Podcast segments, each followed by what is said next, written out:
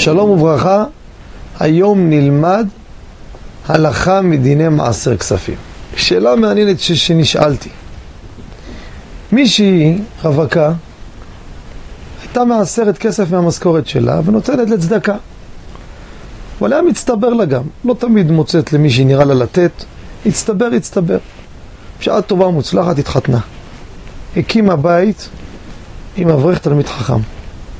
האברך הזה חיפש כולל, לא מוצא כולל, בפרט במצב היום.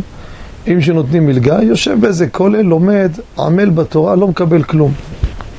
והיא, יש לה הצטברות של כסף מהמעשרות של הרבה זמן. שואלת, האם יכולה לתת לבעלה את הכסף הזה? מה זה משנה אם תיתן לבעלה או לאברך אחר שגם זקוק? הרי גם בעלה צריך.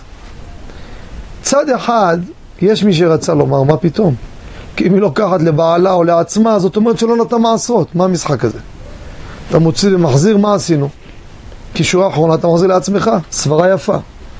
אבל הלכה למעשה לא כך. אם הדבר לצורך כדי פרנסתו, מותר הדבר. פה מדובר שאין לו משכורת.